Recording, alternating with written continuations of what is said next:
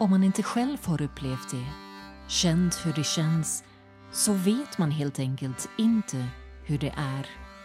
Det är därför jag står på altanen i mörkret, sovsäcken över armen, mössan på.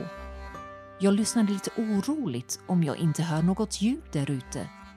Men efter att jag har krupit ner i sovsäcken och ögonen har vant sig vid mörkret måste jag erkänna att det känns skönt. Konstigt, men skönt. Visst, jag är mörkret, men efteråt så känns det inte alls som att jag har utfört något tufft.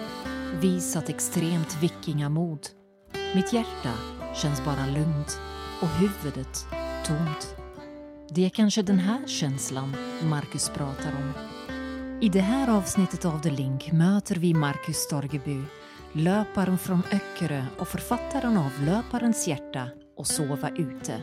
Han som har inspirerat mig till att sova under bar himmel. Som 20-åring valde han att lämna allt och leva ensam i en kåta mitt i skogen i Jämtland.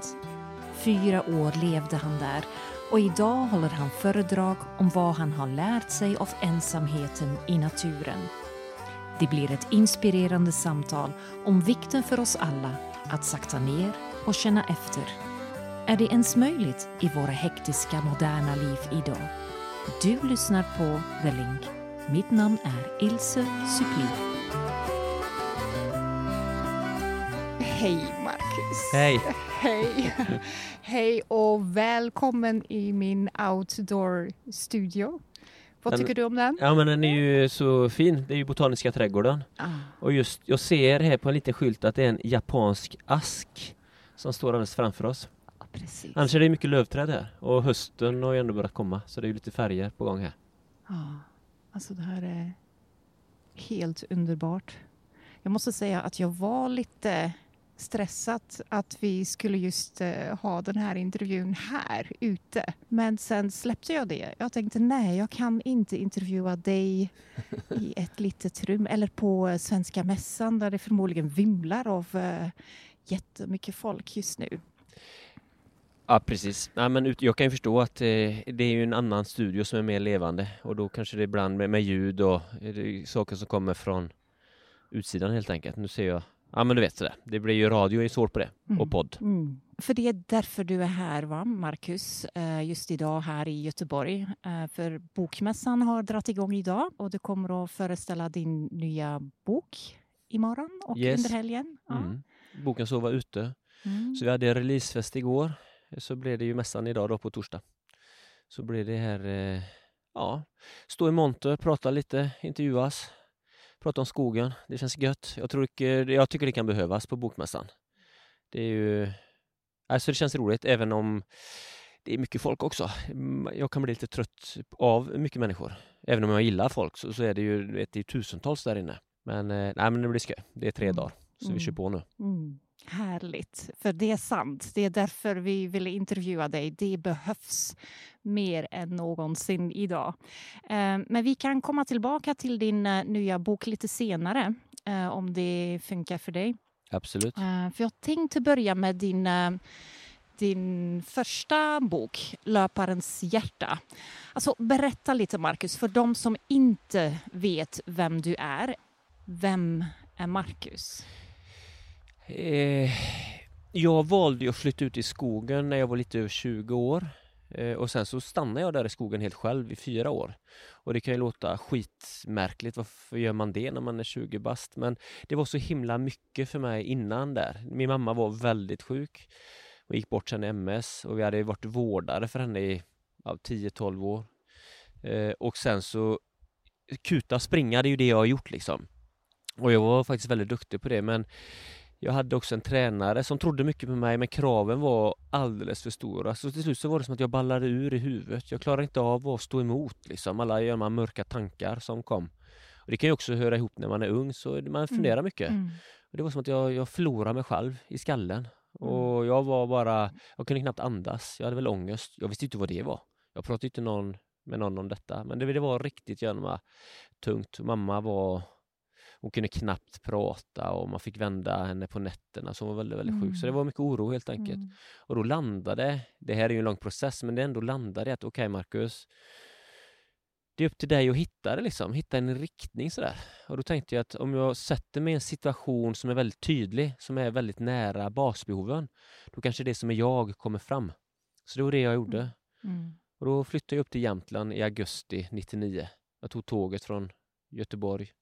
Och så kom jag dit och så byggde jag med ett litet enkelt läger av granslanor och drog en bomullsduk runt där. Och, ja, fixa till lite grejer. Jag hade ju aldrig bott ute, men jag gjorde det jag trodde jag skulle behöva. Jag hade gått i scouterna när jag var pojk, så tänkte att ja, men jag kan väl använda lite av den här kunskapen på något vis.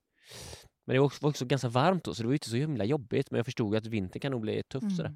Så jag byggde mig det där lägret och sen så stannade jag där fyra år. Och det var underbart och väldigt jobbigt. Men den andra känslan av att jag ville göra det var mycket starkare. Så även om jag frös mycket så var liksom drivet att hitta min riktning starkare än, än att frysa. Förstår Mm. du? Mm. Så det var det, var, det är det bästa jag gjort. Jag tror inte jag hade levt om jag inte hade gjort det. Så pass tungt i skallen var det. Oj, Jag kunde ens inte gå ner till affären och köpa bröd för det fanns så många olika brödsorter.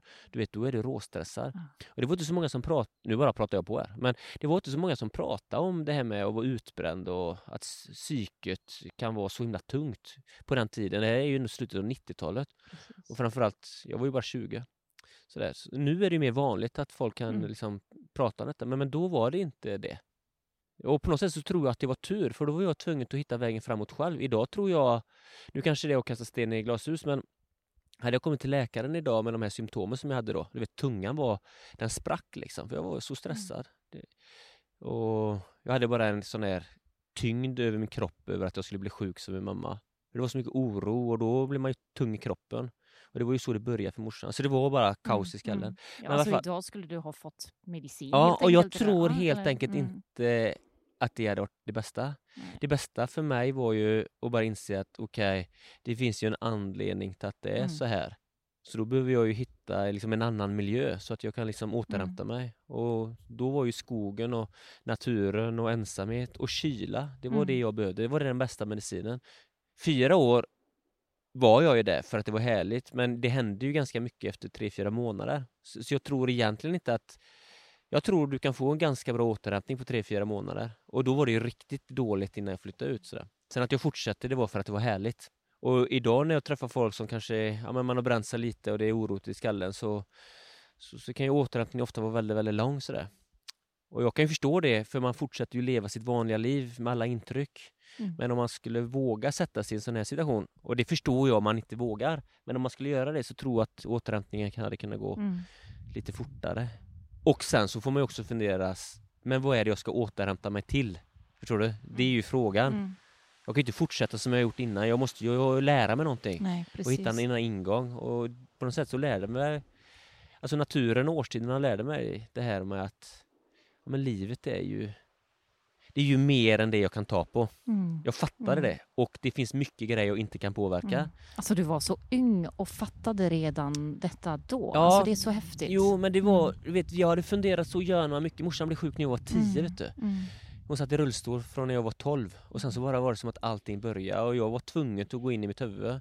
Och det är så sorgligt ibland när jag tänker efter. Det var som, ibland funderar jag, vad var det som gjorde, vad är det som är skillnaden från barn och vuxen? Och ibland så tänker jag, det är när man förlorar den där känslan och tanken av att det där händer inte mig. Det tror jag man kan tänka som Mm, barn, men mm. den försvann väldigt fort för mig.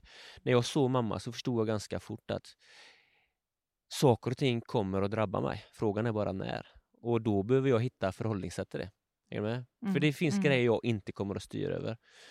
Och jag är glad att jag hittade det, men jag är också lite ledsen över att det gick så fort, liksom. att jag var så ung.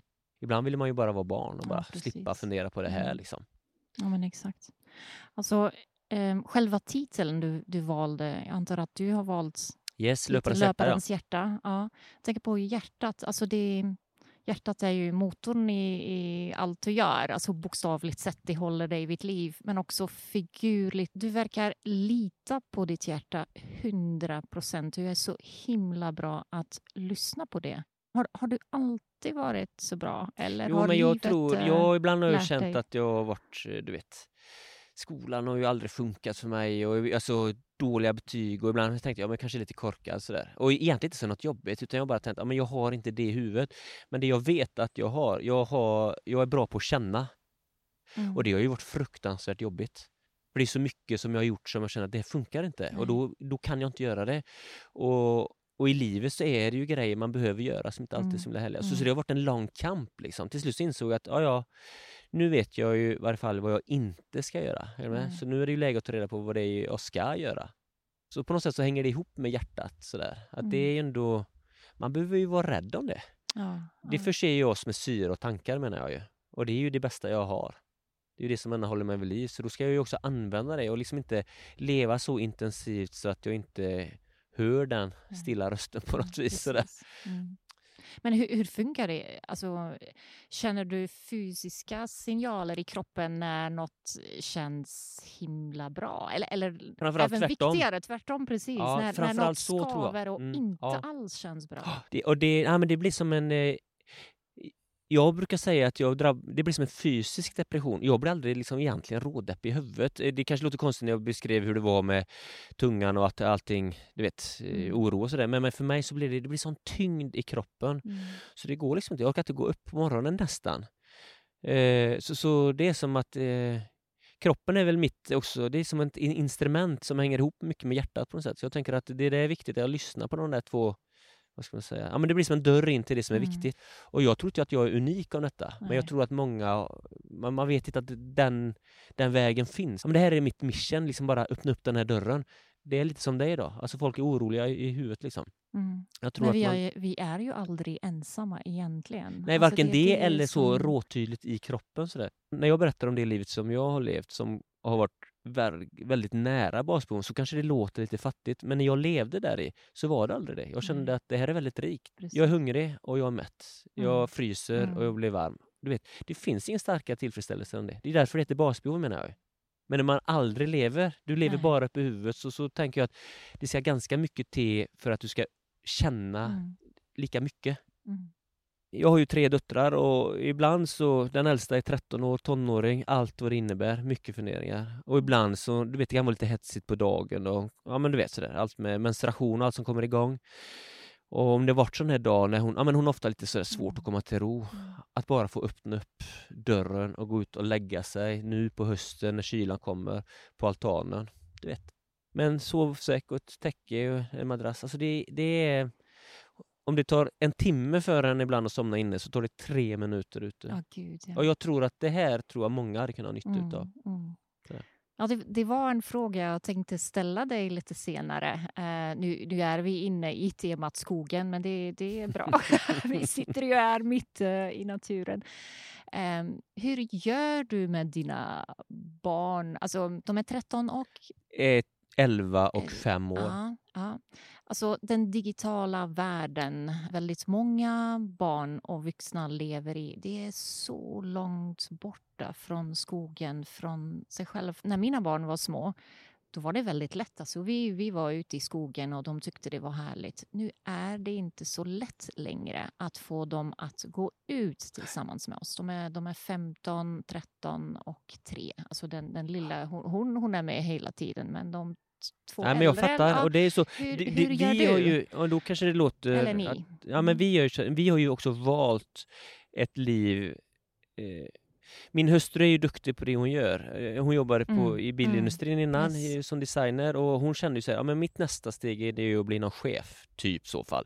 Och då kommer jag tjäna mer pengar men få mindre tid och det är inte intressant. Så Nej. vi valde ju att flytta tillbaka till våran fäbodvall så. Och då blir det helt enkelt lättare. Och det Mm. var ju ett aktivt val vi gjorde sådär för då blir det, naturen är ju så nära bara, det är ju bara att öppna upp dörren. Och det är ju bara att omfamna. Idag så måste man ju hitta ett förhållningssätt till det digitala. Och det har vi kanske inte riktigt gjort än. Sådär. Och på något sätt så tror jag det här är en jätteutmaning. Men jag och min fru pratar mycket om det här och vi känner ju mer bara att förbjuda funkar ju kass. Vi visar bara alternativ. Ofta Mm. brukar man ju säga det här att barn gör inte som du säger utan som du gör. Och då tänkte jag, ja men då finns det väl hopp då. För vi är ju ute mycket. De har nu, nu fick min mellersta, hon är 11, nu fick hon telefon för en vecka sedan typ. Eh, men jag menar de är... Jag tycker att de eh, mixar bra mellan de här två världarna på något vis. Mm. Sådär.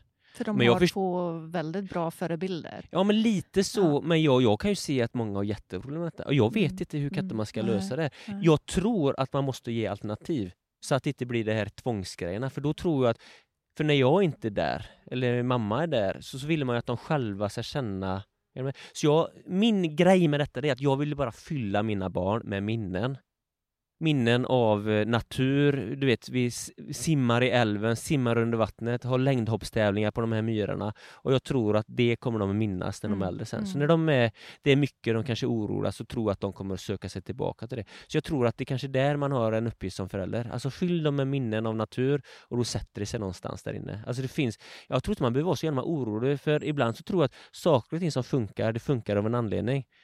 Men det är viktigt att man i varje fall ger dem lite glimtar av det. så. För de kommer att känna själva när de inte mår bra, tror jag. Och sen så kommer det gå åt skogen ibland också. Liksom. Kanske bra att de kan uppleva skillnaden, hur det känns när de sitter några timmar bakom en dator och hur det känns sen. Men vi är ju ganska tydliga alltså, med våra barn. Ja. Om, om, eh, ibland så kan jag säga till Signe, då, min äldsta, men då, Signe, om du är ute och springer i tre timmar hur känns det då? Ja, men då är jag trött. Och vad behöver du göra då? Vila. Det är ju exakt samma grej för ditt huvud om du mm. håller på med den typen av stimuli. Så att man får ju bara prata om grejerna liksom. Ja, så att de själva börjar reflektera. Det är ju det enda jag kan göra. Men det är den ena sidan. Eh, men sen är det den andra sidan också det här med att, eh, att bli konstant underhållen. Vad gör det med våran hjärna? Mm. Ibland så funderar jag, det där är ju något som inte... Vem är det? Vem blir jag om jag aldrig tänker efter? Om jag hela tiden bara fyller på. Jag är trött och jag tror att, ja men skönt, jag behöver bara ligga i soffan och titta mm. på Netflix liksom. Det finns ingen vila där. Och så ibland så kan jag ju se, när du lever ett liv som är väldigt intensivt så är det ju skönt att bara komma hem och så får barnen kolla på något. Är du med? Det är för att vi själva lever så intensivt så man bara måste få tid och, och vila. Och då klart, då kan man ju kanske reflektera, men varför lever jag så jävla mm. intensivt? Mm. Om man måste åka på solsemester, det är klart man kan åka på solsemester, men, men om man måste åka på det varje år för att överhuvudtaget or orka. Ja, det blir då, ju konstigt. Då är det något som är ja, Eller så här, ja, men jag måste nej. springa för annars Precis. så pallar jag inte med mitt mm. liv. Då känner jag att jag kan förstå den tanken, men det är någonting som inte livar. Det är inte hållbart menar jag ju. Ta några steg tillbaka. Lite så. så. Ja, precis. Så om du lever ett urbant liv bara, nu blir det att jag generaliserar, men om vi säger det då, en urban människa som aldrig är utanför tullarna, vad gör det med oss? Mm jag tror att det gör något som inte är bra. Och sen så kanske du får ett jobb som kräver att du tar mycket beslut, som kanske drabbar andra. Ja, men vad bottnar du i då? Varför tar du dina beslut? Alltså det blir jättesvårt. Mm. Jag har en sån här tanke om att att jobba som politiker är ju sjukt svårt. Mm. Tänk om de i sin arbetsbeskrivning det hade varit att en, må en vecka per år så ska jag vara själv ute på vintern bara i natur och så utlämnad åt mig själv. Jag tror det hade varit jättenyttigt för dem personligen och jag tror att det hade varit bra för vårt samhälle. Jag tror att de hade tagit eh, beslut som hade varit eller förstår ja, du lite? Ja, alltså, vad, vad, får jag min kunskap mm. Jag bara matar på och hinner mm. aldrig re mm. reflektera. Och det, och det gäller alla. Alltså, alla? Det, vi skulle må så bra av att um, jobba mindre, men kanske lite mer effektivt. Absolut ta tid för reflektion och eh, den här ensamheten du pratar om. Alltså det låter kanske skrämmande för många, men man behöver inte göra det så drastiskt som Nej, du precis. har gjort. Det behövs inte. Men just att bara få bara en vecka per år mm. för att hitta tillbaka till basboven och bara mm. reflektera över. Det, det, blir ju mer empatisk av att göra det och jag tror att det behöver vi ju ja. mer och mer. Sådär. Ja. För, för tio år sedan så flyttade jag tillsammans med min man och två barn från eh, Belgien till Sverige. Um, och vi hade egentligen allt vad man enligt normerna eh, skulle kunna önska sig. Och jag minns exakt ögonblicket jag satt i bilen. Alltså det finns så många bilköer också i Belgien. Och jag skulle till jobbet och sen först eh, ta mitt barn till dagis och jag tänkte nej, alltså vad håller jag på med? Eh, ska jag jobba, jobba och jobba lite mer för att göra vad då? Konsumera mer? Alltså, det kändes så fel. Alltså, livet för oss här i Sverige var så annorlunda. Vi märkte att människorna här var så mycket mer avslappnade. Allt gick långsammare och det var så skönt. Nu så här efter tio år så tänker jag samhället har förändrats jättemycket här också. Absolut, så är det. Det är så vi känner att eh, vi valde att flytta tillbaka till mm. Fäbodvallen upp till Jämtland. Och en av anledningarna var att det är som att det är lite efter där, på ett väldigt positivt sätt. Jag tycker att jag tänker eh, större tankar där och, och det känns viktigt på något vis. Där. Det som skaver, det är ju, det är ju bra. Ja. Då börjar du Mm. reflektera och det måste vi göra. Men det är lätt att inte känna det där skavet om du bara lever på.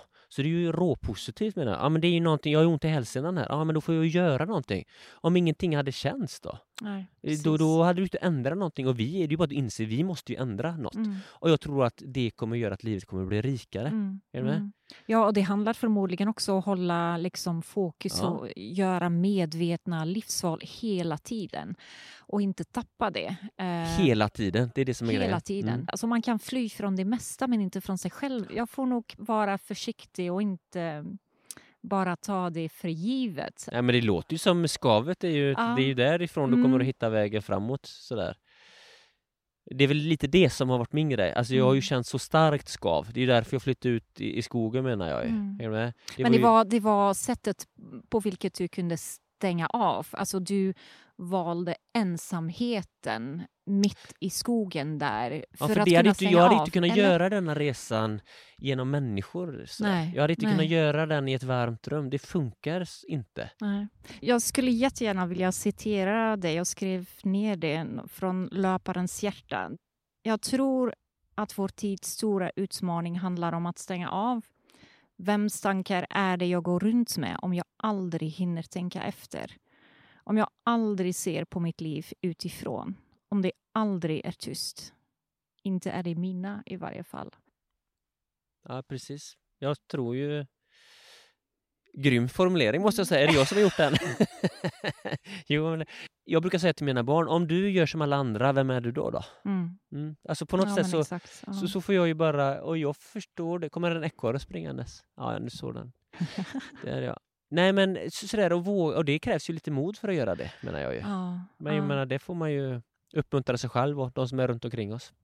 Jag tänkte skolan, eh, vi pratade redan lite om det. Du, eh, det funkade inte så bra i skolan för dig och ehm, du hatade att känna dig låst.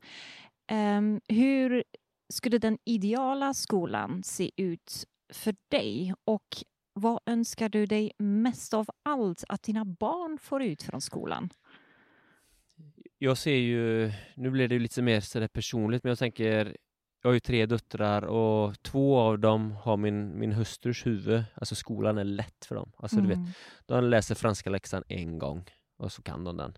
Och jag blir nästan lite förbannad på det. Sådär. För det har aldrig varit så för mig. Sen så har jag min mellersta som har, hon har så stora tankar och är så mycket i kroppen med skolan. Det är tufft liksom. Men jag ser ju att hon hade ju, på samma sätt som jag hade, en otroligt bra fröken de första åren sådär. Mm. Som också ser det, att man är olika på något vis. Sådär. Att det är... Jag har ju aldrig haft ett dåligt självförtroende. Och det har ju varit min räddning. Jag Mm. förstod att skolan inte är för Mm. mig. Men jag förstod ju ofta inte heller varför jag skulle göra saker och ting. Så det handlar väl mer också ibland om pedagogiken och det är ju inte lätt att ha 30 elever och sådär. Men det var ju lite det men varför ska jag göra detta? Mm. Så, så jag skulle ju behövt ha mycket mer fysisk aktivitet sådär. Så tror jag, och förstått varför jag skulle göra det. Mm.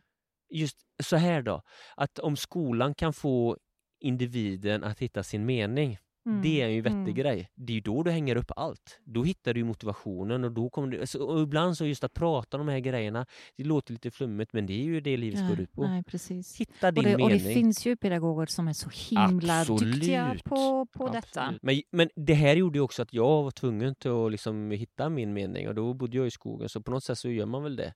De allra flesta gör väl det. Sen så finns det ju folk som ja, av olika anledningar liksom ramlar Mm. i diket på något sätt och så Mm. stannar man där. Men, men eh, jag ser, jag har ju jobbat mycket med ungdomar som det inte har funkat så bra för. Sådär. Precis. Typ som sista utvägen och då har vi ju använt naturen som på något sätt som pedagogik och redskap för att få dem till att börja reflektera. Mm. Sådär. Och vad, vad, vad gjorde ni? Vi var typ bara ute kan man säga. Mm. Och Mm. utifrån det så satte vi dem i situationer som var mycket närmare basbehoven och då blev de tvingade att ta beslut. Och då såg de att shit, om jag gör så här så blir det bra, gör jag så så blir det dåligt. Och utifrån den tanken så är det lätt att hänga upp det andra. Om vi kunde få dem att känna i deras kroppar när de tog beslut så kunde vi använda den liksom, tanken upp till Eller förstår du? Mm, Alltså just mm, i, i mm. mer i skolans värld sådär. Precis. Och då var det som att de förstod och då var det mycket lättare eh, att få dem motiverade helt enkelt. Mm. Sådär. Vad, vad fick du från reaktioner från, det var ju- Mm, jätte- det var ju grymt liksom. Det som var det tråkiga var ju också projekt eh, som vi jobbar för då. Det är också som att ibland blir det så kortsiktigt. Mm. Vi gjorde det här, det var grymt, alla var nöjda, fick fantastisk feedback men sen var de pengarna slut och då så kände vi att vi orkar inte Mm. strida för detta, vi vet ju att detta är bra men vi drev det som en privat grej, alltså vi fick en peng, pengar för att göra detta Mm. liksom. Mm. Och då kunde vi göra det som vi var bra på men sen så när det sugs in i det stora systemet så ska allting bara loggas och skrivas. Alltså det var som att det Mm. som gjorde att vi var bra, det försvann och då kände Ja. vi att det är ju inte detta vi, ska hålla på med liksom. Så, så då la vi ner. Så Det var det. var synd. Ja. Jättesynd. Mm, mm. Framförallt för jag de vi det- hade. Ja, verkligen. Eller de som vi inte hade. Sådär. Nej, precis. Så Sitter du fortfarande bra, Ja, jag Marcus? sitter bra. Jag får röra mig ikväll. Jag får det som helst. gud. Ehm, ja, jag har köpt din nya bok Sova ute. Mm. Ehm, och egentligen hade jag tänkt att inte läsa den förrän efter det här intervjun, för jag tänkte jag vill inte bli påverkad för mycket. Men jag kunde inte låta bli. Alltså när jag såg boken, den är så vacker. Det finns så himla fina bilder i den som din fru har Ja, eh, tagit. Mm. Ja.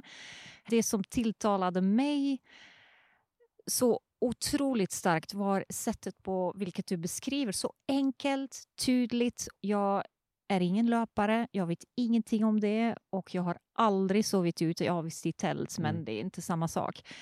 Ehm, men jag har redan börjat kolla hemma i trädgården och i skogen runt omkring. Var kan jag bygga min, min utomhussäng? Alltså det, Ja, vad det är kul en att du säger det.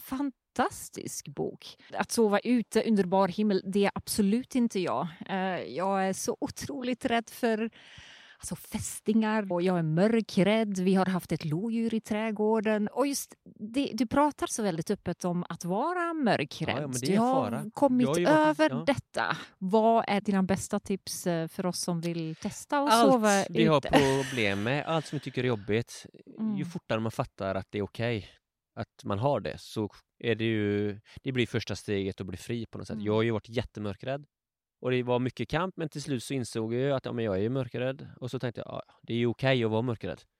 Men det var liksom en, en mental... Ja, jag bara plötsligt så bara, det landade ju efter fyra månader själv i skogen. Det var jobbigt liksom. Men, men till Mm. slut så insåg jag att ja, men det här, ja, men så här då. Att stå på en scen och prata, Mm. som jag ändå gör Mm. ganska mycket nu. Alltså det var mitt sämsta ämne. Men jag känner ändå att jag har några tankar som jag vill dela. Men det här är ju bara kass liksom. Jag är ju bara helt värdelös. Så, ja, ja, men jag är det, men jag gör det ändå. Mm. Och så bara lättare. Mm. Så, det är ju, så, så, så kan man tänka. Plus, då kan jag ju lugna dig med att säga att jag har ju sovit ett par tusen nätter ute och det har ju aldrig hänt mig något. Nej. Jag har aldrig träffat på ett lodjur. Lodjur finns i närheten, de är jätterädda för dig. Mm. De har säkert koll på dig, ingen fara, de gör dig inget ont. Det enda jag har lite respekt för det är fästingar faktiskt. Mm. Så upp från marken och inte ligga där det är högt gräs. Och jag bor ju mest ute i Jämtland och där finns det ju liksom inga fästingar. Nej. Nej. Och framför allt så tycker jag att man ska sova ute. Nu kommer det en massa barn här om det kommer låta, men det är lugnt. Det är lugnt. Jo, Mm. men jag tycker att man ska sova ute på hösten, vintern och våren. Det är Mm. den bästa tiden Mm. när det Mm. börjar bli lite svalt. Man ska bara ha tillräckligt bra utrustning. Och den utrustning man behöver ner till nollan, det är bara ett vanlig, en kallskumsmadrass och ett täcke Mm. liksom. Mm. Och en, en, eh, ett underställ och en mössa. Du klarar det. Det behöver inte vara mer Mm. avancerat så. Du kan börja testa en natt och sova. Du tittar ut, det är klart väder, du ser stjärnorna. Ja, men lägg dig på balkongen om du har någon, eller altanen. Nu kommer barn gående så. det är grymt. Ni kan gå här tjejer och barn, det är bara att gå. Ah, Ja, ja, ja, herregud. Härligt. ja, nej, men eh, det är så himla bra för alltså, du har visat i boken hur man kan bygga en sån eh, säng. Och, ehm, alltså, annars hade jag aldrig funderat över det. Men, ja, men så här gör man. Okej, jättebra. För, för dig är det, är det så naturligt. Ja, så är det. Du bara gör det. Men för, för oss som inte ens har tänkt tanken. Men om sen- du, då är det ju beroende på lite var man bor. Mm. Men om vi tar två scenarier då. Det ena är att du...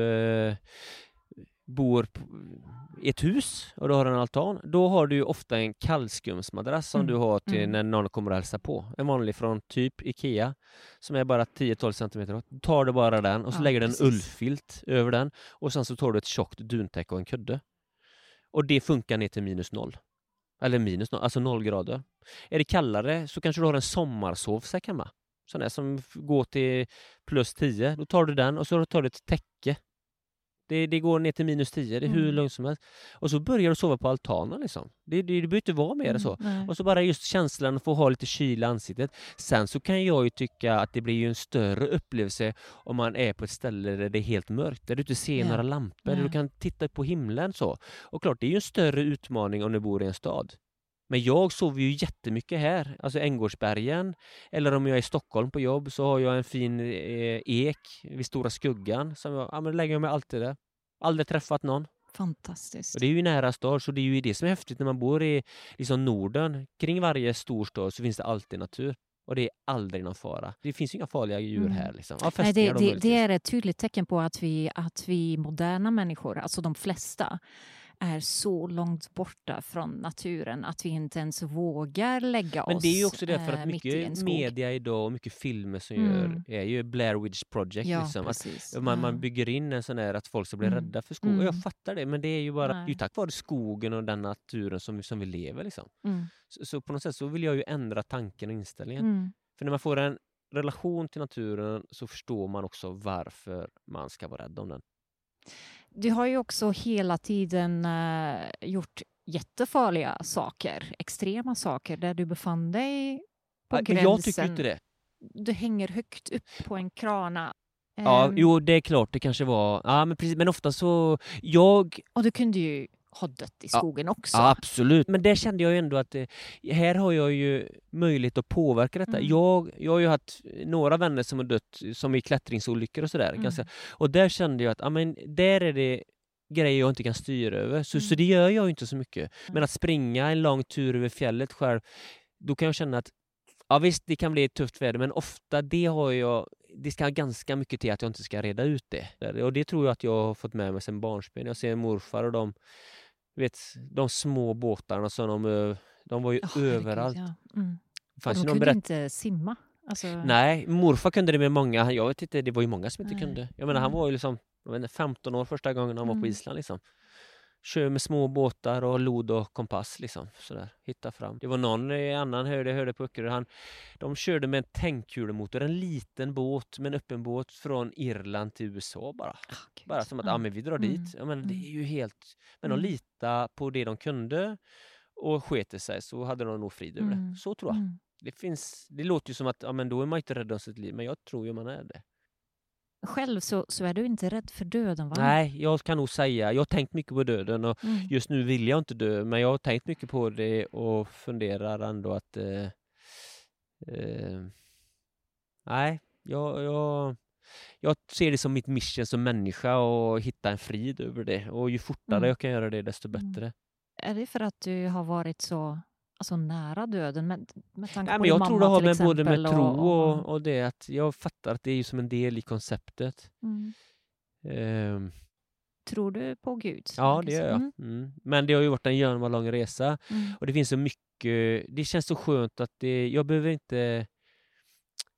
Eh, jag är uppväxt i ganska hårt frikyrko och det, var, det fanns bra grejer men också mycket konstigt liksom. Men jag har ändå landat i att eh, det funkar för min mormor och morfar och mamma och, och då funkar det för mig. Och jag väljer att tro på att det finns något som är större än mig själv. Sen om det visar sig att det inte är så, så är det ändå inte bortkastat. För mig så blir det, och det känns inte det som att jag är naiv, utan det är bara Mm. jag behöver inte, döm ingen så ska du inte heller själv. Det det är skönt, du behöver inte Mm. fokusera på vad andra Mm. gör. Utan, och sen så, vad är frukten av mitt handlande? Lite så, det är mina förhållningssätt. Och liksom vara rädd om hjärtat, hur det här utgår livet. Det är ju klockrent. Vi pratade ju, eller du pratade redan lite om din eh, morfar. Det finns en bild i din bok eh, Sova ute på ett fiskarlag som heter Manligheten. Manligheten. Så ett coolt namn. Berätta lite Nej om men den så här är det, bilden. manligheten är ju på Öckerö då så hade man ju, att fiska med vad, en vad det är ju som ett fiskeredskap. Det är som en ballong som du drar runt ett Mm, stim och sen kan mm. du dra ihop till en botten. Det var, ja, och det heter ju vad då. Eh, Och den här fiskarlaget manligheten, manligheten, det var det första vadlaget som fiskade med det redskapet. Ja, liksom, sådär. det. Ja. Och när jag, först och främst den bilden har jag alltid, jag har alltid gillat den. För de är så oängsliga liksom. Är det någon som vet vilka det är som är, är hårda på öarna så är det kvinnorna liksom sådär. Och sen vill jag göra en ylletröja som heter manligheten. Alltså så det är lite det som är, som är Mm, grejen. Att bygga, ja Mm. men jag gör ju lite sådär kläder och sådär och det är ju roligt. Men att få göra en ulltröja och enda anledningen till att jag gör det, det är för att det namnet är så fint. Och jag tror att vi behöver, Mm. ja det kommer ju komma en Mm. kvinnligheten också Mm. sådär.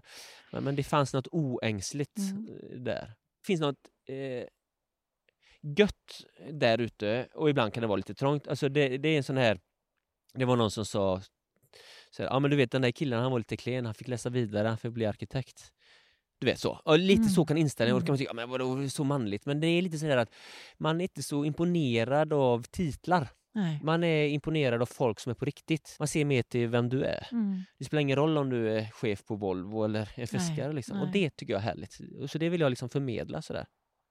Du skriver ju om manliga stereotyper i dina böcker med extrema resultat i din löpning och bygga hus för hand och hugga ved Mm. och alltså klara av kyla.